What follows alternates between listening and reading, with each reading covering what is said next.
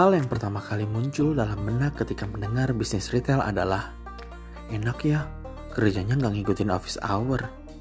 Eh, tunggu dulu. Dengerin apa yang mau saya curahkan, baru tarik kesimpulan.